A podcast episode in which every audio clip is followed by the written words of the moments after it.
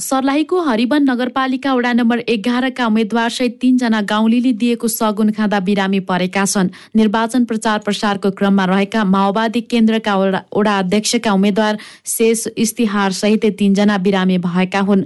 Vote माग्दै जाँदा हरिवनका गाउँका स्थानीयले उम्मेद्वार सहितका निर्वाचन प्रचार प्रसारमा रहेका टोलीलाई सगुन भन्दै खानेकुरा खान दिएका थिए। सोही खाएपछि शेष सहित उमा शाह र पूर्णिमा कार्की पनि बिरामी परेको प्रहरीले जनाएको छ। बिरामी भएका मध्ये उम्मेद्वार शेष लगायतलाई स्थानीय अस्पतालमा उपचार गराउँदा पोइजनिङ देखिएको प्रहरी प्रवक्ता एसएसपी विष्णु केसीले जानकारी दिनुभयो। बिरामी परे भएका मध्ये शेषलाई थप उपचारका लागि वीरगञ्ज पठाइएको छ भने बाँकी दुईजनाको स्थानीय अस्पतालमा उपचार भइरहेको प्रहरीले जनाएको छ। माओवादी केन्द्रका वडा अध्यक्ष सहितका उम्मेद्वारलाई विपक्षी कार्यकर्ताले विष खुवाएर विष खुवाएको भन्दै अहिले हरिवन बजार क्षेत्र तनावग्रस्त बनेको छ। माओवादीका कार्यकर्ताले प्रदर्शन गर्दा हरिवन बजार तनावग्रस्त बनेको हो। यसैबीच चुनावी प्रचार प्रसारमा आएका अपरिचित व्यक्तिले दिएको खानेकुरा नखान नेपाल प्रहरीले आग्रह गरेको छ। नेपाल प्रहरी प्रधान कार्यालय नक्सालले आज सूचना जारी गर्दै यस्तो आग्रह गरेको हो। स्थानीय तह निर्वाचनका बेला विभिन्न राजनैतिक दलका नेता कार्यकर्ताहरूले प्रचार प्रसारका क्रममा अपरिचित व्यक्तिबाट प्रसाद वा सगुनका रूपमा ग्रहण गर्दा संवेदनशील घटना घटेको पाइएकाले सो आग्रह गरिएको विज्ञप्तिमा भनिएको छ। प्रचार प्रसारमा आएका अपरिचित व्यक्ति कार्यकर्ताले दिएको खानेकुरा खाँदा बेहोस हुने चक्कर आउने घटना घटेकोले यस्तो घटना दोहोरिन नदिन पनि प्रहरी प्रधान कार्यालयले सबैको ध्यान आकर्षण गराएको छ। स्थानीय तह निर्वाचनको दिन सबै आन्तरिक हवाई सेवा बन्द हुने भएको छ। वायु सेवा सञ्चालक संघले निर्वाचनको दिन तीस वैशाखमा सबै उडान सेवा बन्द गर्ने निर्णय गरेको जानकारी दिएको छ। उक्त दिन सबै खालका यातायात सेवा पनि बन्द हुनेछन्। यद्यपि अन्तर्राष्ट्रिय उडान भने यथावत रहनेछ। मुलुकभित्र मानवीय उद्धार सहायता उडान एवं सरकारको निर्देशनका उडान भने हुने संघले एक विज्ञप्ति जारी गरेर जानकारी दिएको हो। निर्वाचन आयोगको यही वैशाख बाइसमा बसेको बैठकले स्थानीय तह निर्वाचनको मतदानको दिन आन्तरिक रूपमा सञ्चालन हुने सबै प्रकारका यातायात सेवा बन्द गर्ने निर्णय गरेको थियो। सोही अनुसार वायु सेवा सञ्चालक संघले पनि आन्तरिक सबै हवाई उडान बन्द गर्ने निर्णय गरेको हो। मतदानको दिन भने यति एयरलाइन्सले मानवीय उद्धार तथा अनुमति प्राप्त चार्टर उडान गर्ने जनाएको छ। त्यस्तै अन्य एयरले पनि मानवीय उद्धार तथा अनुमति प्राप्त चार्टर उडान कायम राख्ने सङ्घका प्रवक्ता युगराज कणेलले जानकारी दिनुभयो। तारा एयरले भने दुर्गममा गर्दै आएको खाद्यान्न ढुवानी तथा पर्यटकको लागि गर्ने चार्टर उडान यथावत राख्ने जनाइएको छ। सरकारले आगामी जेठ तीन गतेका लागि संसद अधिवेशन बोलाउन सिफारिस गरेको छ। आज बसेको मन्त्री परिषदको बैठकले संसद अधिवेशन बोलाउन राष्ट्रपति समक्ष सिफारिस गरेको हो। मन्त्री परिषदको सिफारिसमा राष्ट्रपतिले अधिवेशन आह्वान गर्ने संवैधानिक व्यवस्था छ। भूमि व्यवस्था सहकारी तथा गरिबी निवारण मन्त्री शशि श्रेष्ठले जेठ तीन गते दिउँसो चार बजेको लागि अधिवेशन बोलाउन सिफारिस गरिएको जानकारी दिनुभयो। आगामी जेठ पन्ध्रमा बजेट ल्याउनु पर्ने भएकाले त्यसअघि नै संसदमा सरकारको नीति तथा कार्यक्रम प्रस्तुत गर्नुपर्ने हुन्छ। त्यसैले जेठ तिनका लागि संसद अधिवेशन बोलाउन सिफारिस गरिएको हो। यसैबीच राष्ट्रपति विद्यादेवी भण्डारीले आज दुईवटा अध्यादेश जारी गर्नु भएको छ। राष्ट्रपतिको कार्यालयका प्रवक्ता सागर आचार्यले राष्ट्रपति भण्डारीले औषधि तेस्रो संशोधन अध्यादेश दुई हजार उनासी स्वास्थ्य कर्मी तथा स्वास्थ्य संस्थाको सुरक्षा सम्बन्धी पहिलो संशोधन अध्यादेश दुई हजार उनासी जारी गर्नुभएको विज्ञप्ति मार्फत जानकारी दिनुभएको हो। संविधानको धारा एक सय चौधको उपधारा एक बमोजिम मन्त्री परिषदको सिफारिसमा अध्यादेश जारी गरिएको आचार्यद्वारा जारी विज्ञप्तिमा उल्लेख गरिएको छ। प्रधानमन्त्री एवं नेपाली कङ्ग्रेसका सभापति शेरबहादुर देउवाले स्थायित्व र स्थिरताको लागि गठबन्धन आवश्यक रहेको दोहोर्याउनु भएको छ। आज दलीय पाँच दलीय गठबन्धनको चुनावी सभालाई पोखरामा सम्बोधन गर्दै देउवाले केपी ओली शर्मा केपी शर्मा ओली र उहाँको पार्टी गणतन्त्र संहिताको खिलाफमा भएको आरोप लगाउनुभयो। प्रधानमन्त्री देउबाले संसदमा कंग्रेसको विरोध सहन नसकेर ओलीले संसद भङ्ग गरेको पनि बताउनुभयो। यसै गरी उहाँले कंग्रेसका लागि गठबन्धन सबैभन्दा बढी आवश्यक भएकाले गठबन्धनलाई जोगाउन पनि सबै उम्मेद्वारलाई जिताउन आह्वान गर्नुभयो। त्यस्तै गठबन्धन दल नेकपा माओवादी केन्द्रका अध्यक्ष पुष्पकमल दाहालले भरतपुरमा सत्ता गठबन्धनले नजिते राजनैतिक दुर्घटनाको खतरा छ भन्ने आफ्नो भनाइलाई गलत अर्थ लगाएको बताउनु भएको छ। आज पोखरामा पाँच दलीय गठबन्धनको चुनावी सभामा बोल्दै दाहालले गठबन्धन देशलाई राजनैतिक दुर्घटनाबाट बचाउनको लागि जन्मिएको बताउनुभयो। गठबन्धनले पाँच दललाई नै फाइदा पुर्याएको उहाँको भनाइ थियो। देशमा गठबन्धनको संयुक्त सरकारको तरिकाबाट मात्रै देशमा राजनैतिक स्थायित्व कायम गर्ने सम्भावना रहेको समेत उल्लेख गर्नुभयो। त्यस्तै सोही चुनावी सभालाई सम्बोधन गर्दै नेकपा एकीकृत समाजवादीका अध्यक्ष माधव कुमार नेपालले दम्ब देखा विनाश हुने भनाइ राख्नुभयो। अध्यक्ष नेपालले कङ्ग्रेस र कम्युनिस्ट शक्ति मिलेर मात्रै परिवर्तन सम्भव भएको समेत बताउनुभयो। पोखरा महानगरको मेयरमा एकीकृत समाजवादीका धनराज आचार्य र उपमेयरमा कोपिला राणा भाट उम्मेद्वार छन्। नेकपा एमालेका अध्यक्ष केपी शर्मा ओलीले कसैले तर्साउँदैमा जनता नतर्सिने बताउनु भएको छ। आज बुटवलमा आयोजित चुनावी सभालाई सम्बोधन गर्दै अध्यक्ष ओलीले गठबन्धन दलका नेताहरूले मत माग्ने नाममा जनता तर्साउँदै हिँडेको भन्दै कसैले तर्साउँदैमा जनता नतर्सिने बताउनु भएको हो। एमाले अघि सारेका विकास योजनालाई वर्तमान सरकारले अवरुद्ध पारेको भन्दै ओलीले वैशाख तीस गतेको चुनावमा जनताले जरैदेखि टकट्याक उजाडेर फ्याँक्ने जिकिर गर्नुभएको छ। अध्यक्ष ओलीले आगामी जेठ पन्ध्र गते गठबन्धनको सरकारको अन्तिम बजेट हुने समेत बताउनुभयो। उहाँले मुलुकलाई समृद्धिको दिशातर्फ अघि बढाउनुको साथै संघीय र प्रदेश सरकार बनाउँदा विनियोजित हुने बजेट अलपत्र हुनबाट जोगाउन एमाले जित्न आवश्यक रहेको धारणा राख्नुभयो यसअघि एमाले बुटवल नगरमा धेरै नै विकासका काम गरेको भन्दै थप विकासको जिम्मा पनि एमालेलाई दिन उहाँले आग्रह गर्नुभएको छ।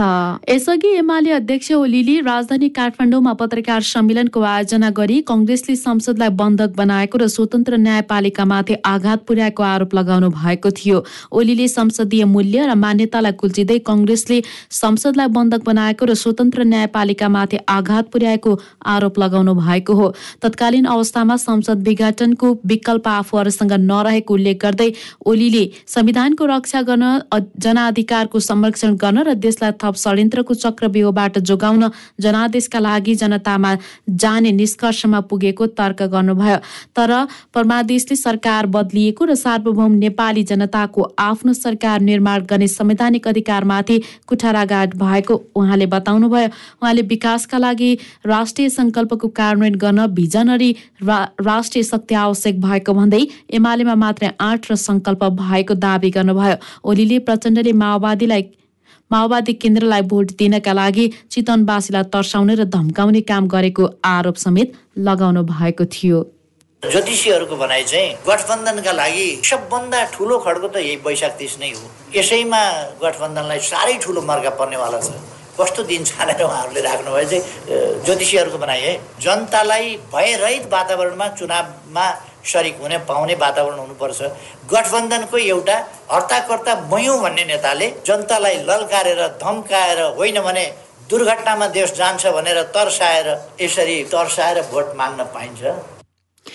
पत्रकार सम्मेलनमा ओलीले निर्वाचनका लागि सडसठी बुधे अपिल पढेर सुनाउनु भएको थियो। अपिलमा ओलीले यसअघिको एमाले सरकारले गरेको काम र भावी योजनाका साथै वर्तमान सरकार र गठबन्धन दलहरूको आलोचना गर्नु भएको छ। यसैबीच एमालेका उपाध्यक्ष सुरेन्द्र पाण्डेले गठबन्धनको चाउरे पिरती धेरै दिन नचल्ने बताउनु भएको छ। भरतपुरको चुनावी कार्यक्रममा सम्बोधन गर्दै पाण्डेले कङ्ग्रेस प्रधानमन्त्री शेरबहादुर देवालाई इङ्गित गर्दै प्रचण्डसँगको चाउरे पिरती धेरै दिन नचल्ने बताउनु भएको हो।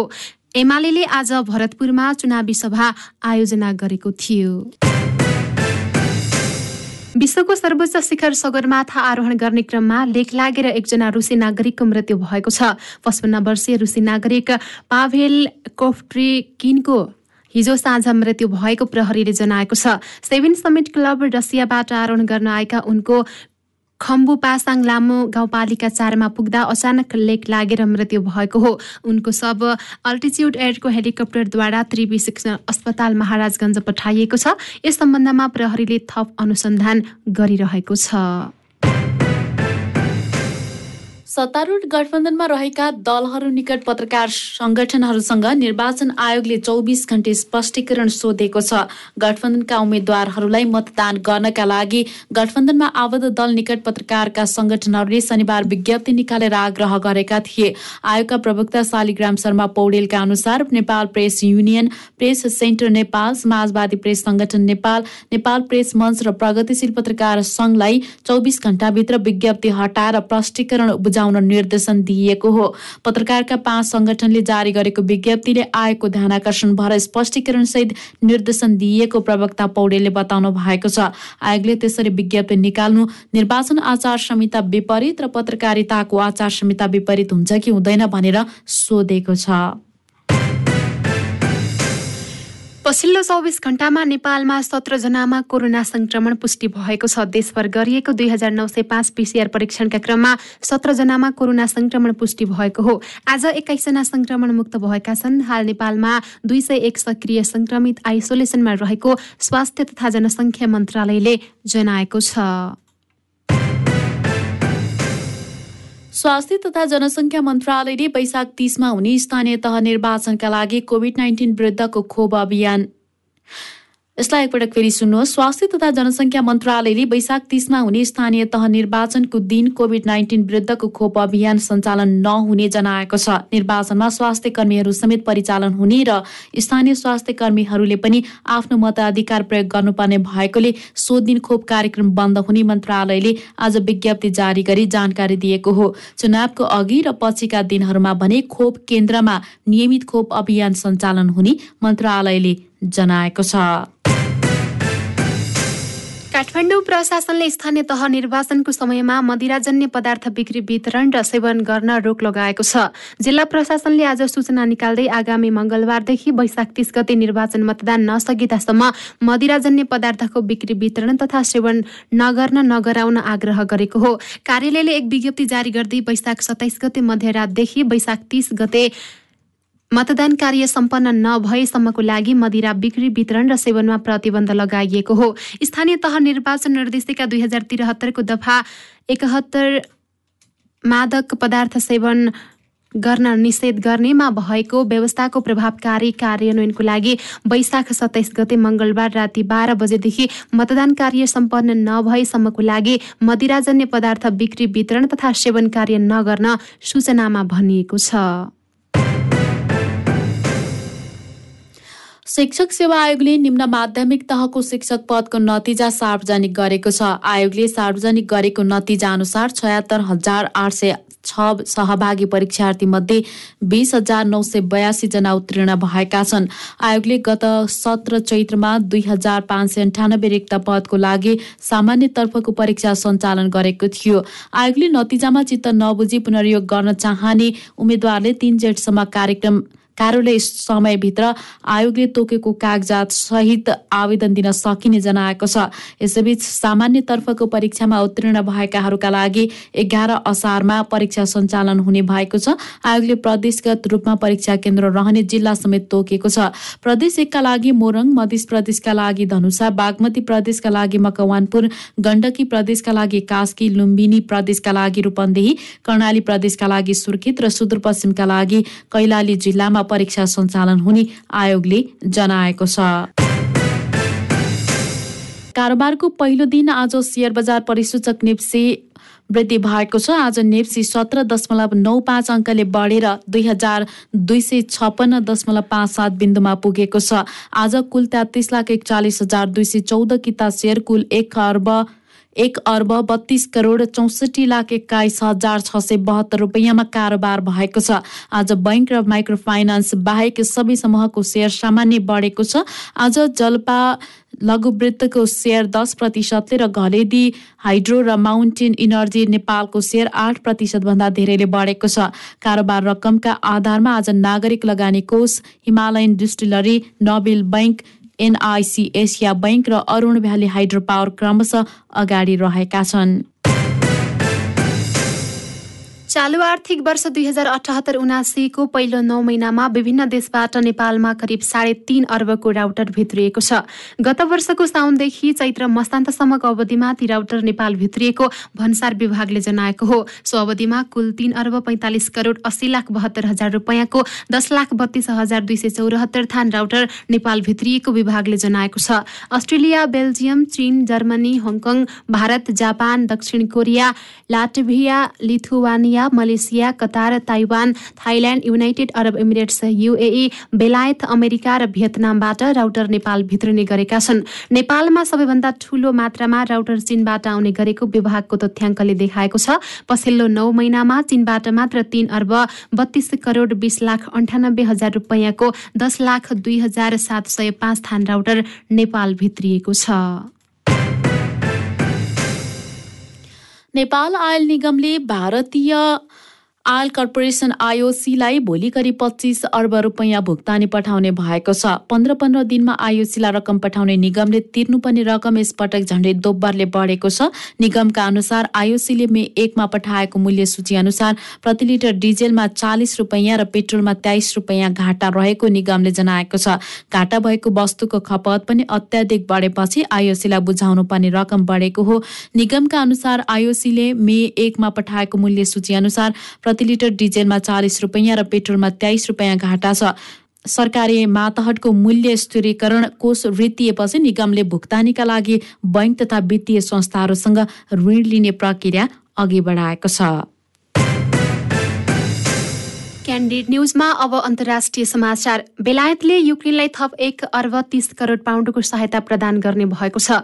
बेलायतका अर्थमन्त्री ऋषि सुनकले युक्रेनका लागि एक अर्ब तीस करोड पाउन्डको अतिरिक्त कोष प्याकेज प्रदान गर्न लागेको बेलायतबाट प्रकाशित हुने द सन्डे टाइम्सले जनाएको छ। सो रकम ट्रेजरीको आपतकालीन कोषबाट लिन र युक्रेनलाई बेलायतको विद्यमान एक दशमलव पाँच अर्ब पाउन्ड सहयोगको अतिरिक्त प्रदान गरिने जनाएको छ। बेलायतका रक्षा मन्त्री बेन वालेस र विदेश मन्त्री लिज ट्रस्टको दबावपछि सुनकले थप सहायताको पुष्टि गरेको द सन्डे टाइम्सले उल्लेख गरेको छ। गत फेब्रुअरी चौबिसमा रुसले युक्रेनमा माथि आक्रमण गरेपछि यसको जवाफमा पश्चिमा देशहरूले रुस विरुद्ध व्यापक प्रतिबन्धको अभियान चलाएका छन् भने युक्रेनलाई हतियार आपूर्ति जारी राखेका छन्।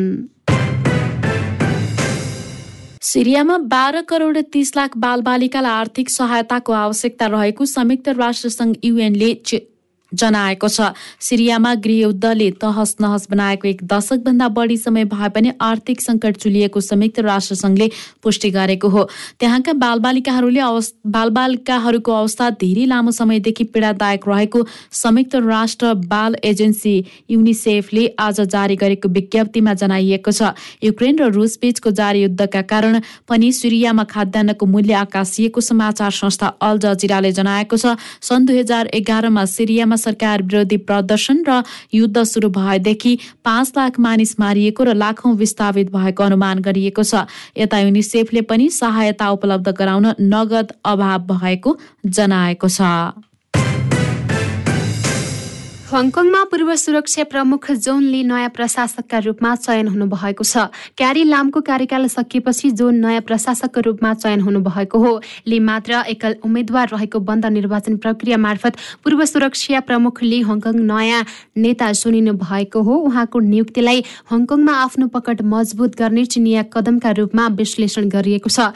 सर्वसाधारणहरूसँग प्रत्यक्ष मताधिकार नरहेको हङकङमा लीलाई बेजिङले चयन गरेको हो। हङकङको नेता चयन गर्ने जिम्मेवारी एउटा पन्ध्र सय सदस्यीय समितिको रहेको छ जसमा लगभग सबै बेजिङका समर्थकहरू रहेका छन्। चौसठी वर्षीय ली हङकङका पूर्व मुख्य सचिव हुनुहुन्छ भने प्रमुख प्रशासकपछि दोस्रो तहका उच्च अधिकारी समेत रहनु भएको छ। क्यान्डिड न्युजमा अब खेलकुदका समाचार। Shahid Smarak C division लिगमा RC thirty two football academy र पुलचोक स्पोर्ट्स क्लबले अङ्क बाँडेका छन्। ललितपुरको सातो बाटो स्थित एन्फा कम्प्लेक्समा आज दिउँसो भएको खेलमा आरसी थर्टी टू र पुल्चोक स्पोर्ट्स क्लब बीचको खेल दुई दुई गोलको बराबरीमा सकिएको हो। आरसी थर्टी टूका लागि विवेक सन्तोषीले दुई गोल गरे भने पुल्चोकको लागि सदाम मन्सुर र लक्ष्मण तामाङले एक गोल फर्काए। पुल्चोकका Saddam man of the match घोषित भए। यसअघि आज दिउँसो भएको खेलमा महावीर क्लब र मनोहरा युनाइटेड क्लबले अङ्क बाँडेका छन्। इन्फा कम्प्लेक्समा भएको खेलमा महावीर र मनोहरा बीचको एक एक गोलको बराबरीमा सकिएको हो। महावीरका लागि सञ्जीव धिमालले एक गोल गरे भने मनोहरका लागि अजय कुमार चौधरीले एक गोल फर्काए। त्यस्तै आज बिहान भएको खेलमा खालीबारी युथ क्लबले दोस्रो जित निकालेको थियो। खालीबारीले ओएसिस क्लबलाई तीन एक गोल अन्तरले पराजित गरेको हो। खालीबारीको जितमा सन्दीप गुरुङले दुई र अभय राणाले एक गोल गरे भने ओएसिसका लागि समीर कार्कीले एक गोल फर्काए। खेलको पहिलो मिनेटमा सन्दीपले गोल गर्दै खालीबारीलाई अग्रता दिलाएका थिए। Sandeep Gurung man of the match घोषित भएका थिए। र राष्ट्रिय टोलीका खेलाडी र प्रशिक्षक बीच भएको विवादको छानबिन गर्न अखिल नेपाल फुटबल संघ एन्फाले समिति गठन गरेको छ। आज सातो बाटो स्थित एन्फा मुख्यालयमा भएको कार्य समितिको बैठकले तीन सदस्यीय छानबिन समिति गठन गरेको हो। गत तेह्र वैशाखमा खेलाडीले मुख्य प्रशिक्षक अब्दुल्लाह अल्मुताइरीको व्यवहारका कारण बन्द प्रशिक्षण छाडेका थिए। सोह्र गते पत्रकार सम्मेलन गर्दै बन्द प्रशिक्षण छाडेका खेलाडीले स्पष्टीकरण दिँदै छानबिनको माग गरेका थिए। यता प्रशिक्षक अल्मुताइरीले भने एन्फालाई पत्रकार खेलाडीले बन्द प्रशिक्षण आफूलाई थाहा नदी छाडेको र आगामी प्रशिक्षणमा सामेल नगराउने बताएका थिए। त्यसपछि आज बसेको बैठकले पूर्व खेलाडी तथा आर्मीका अवकाश प्राप्त उपरथी भिक्टोर राणालाई छानबिन समितिको संयोजक बनाएको हो। समितिले सात दिनभित्र सत्य तथ्य पत्ता लगाई इन्फामा प्रतिवेदन बुझाउनु पर्नेछ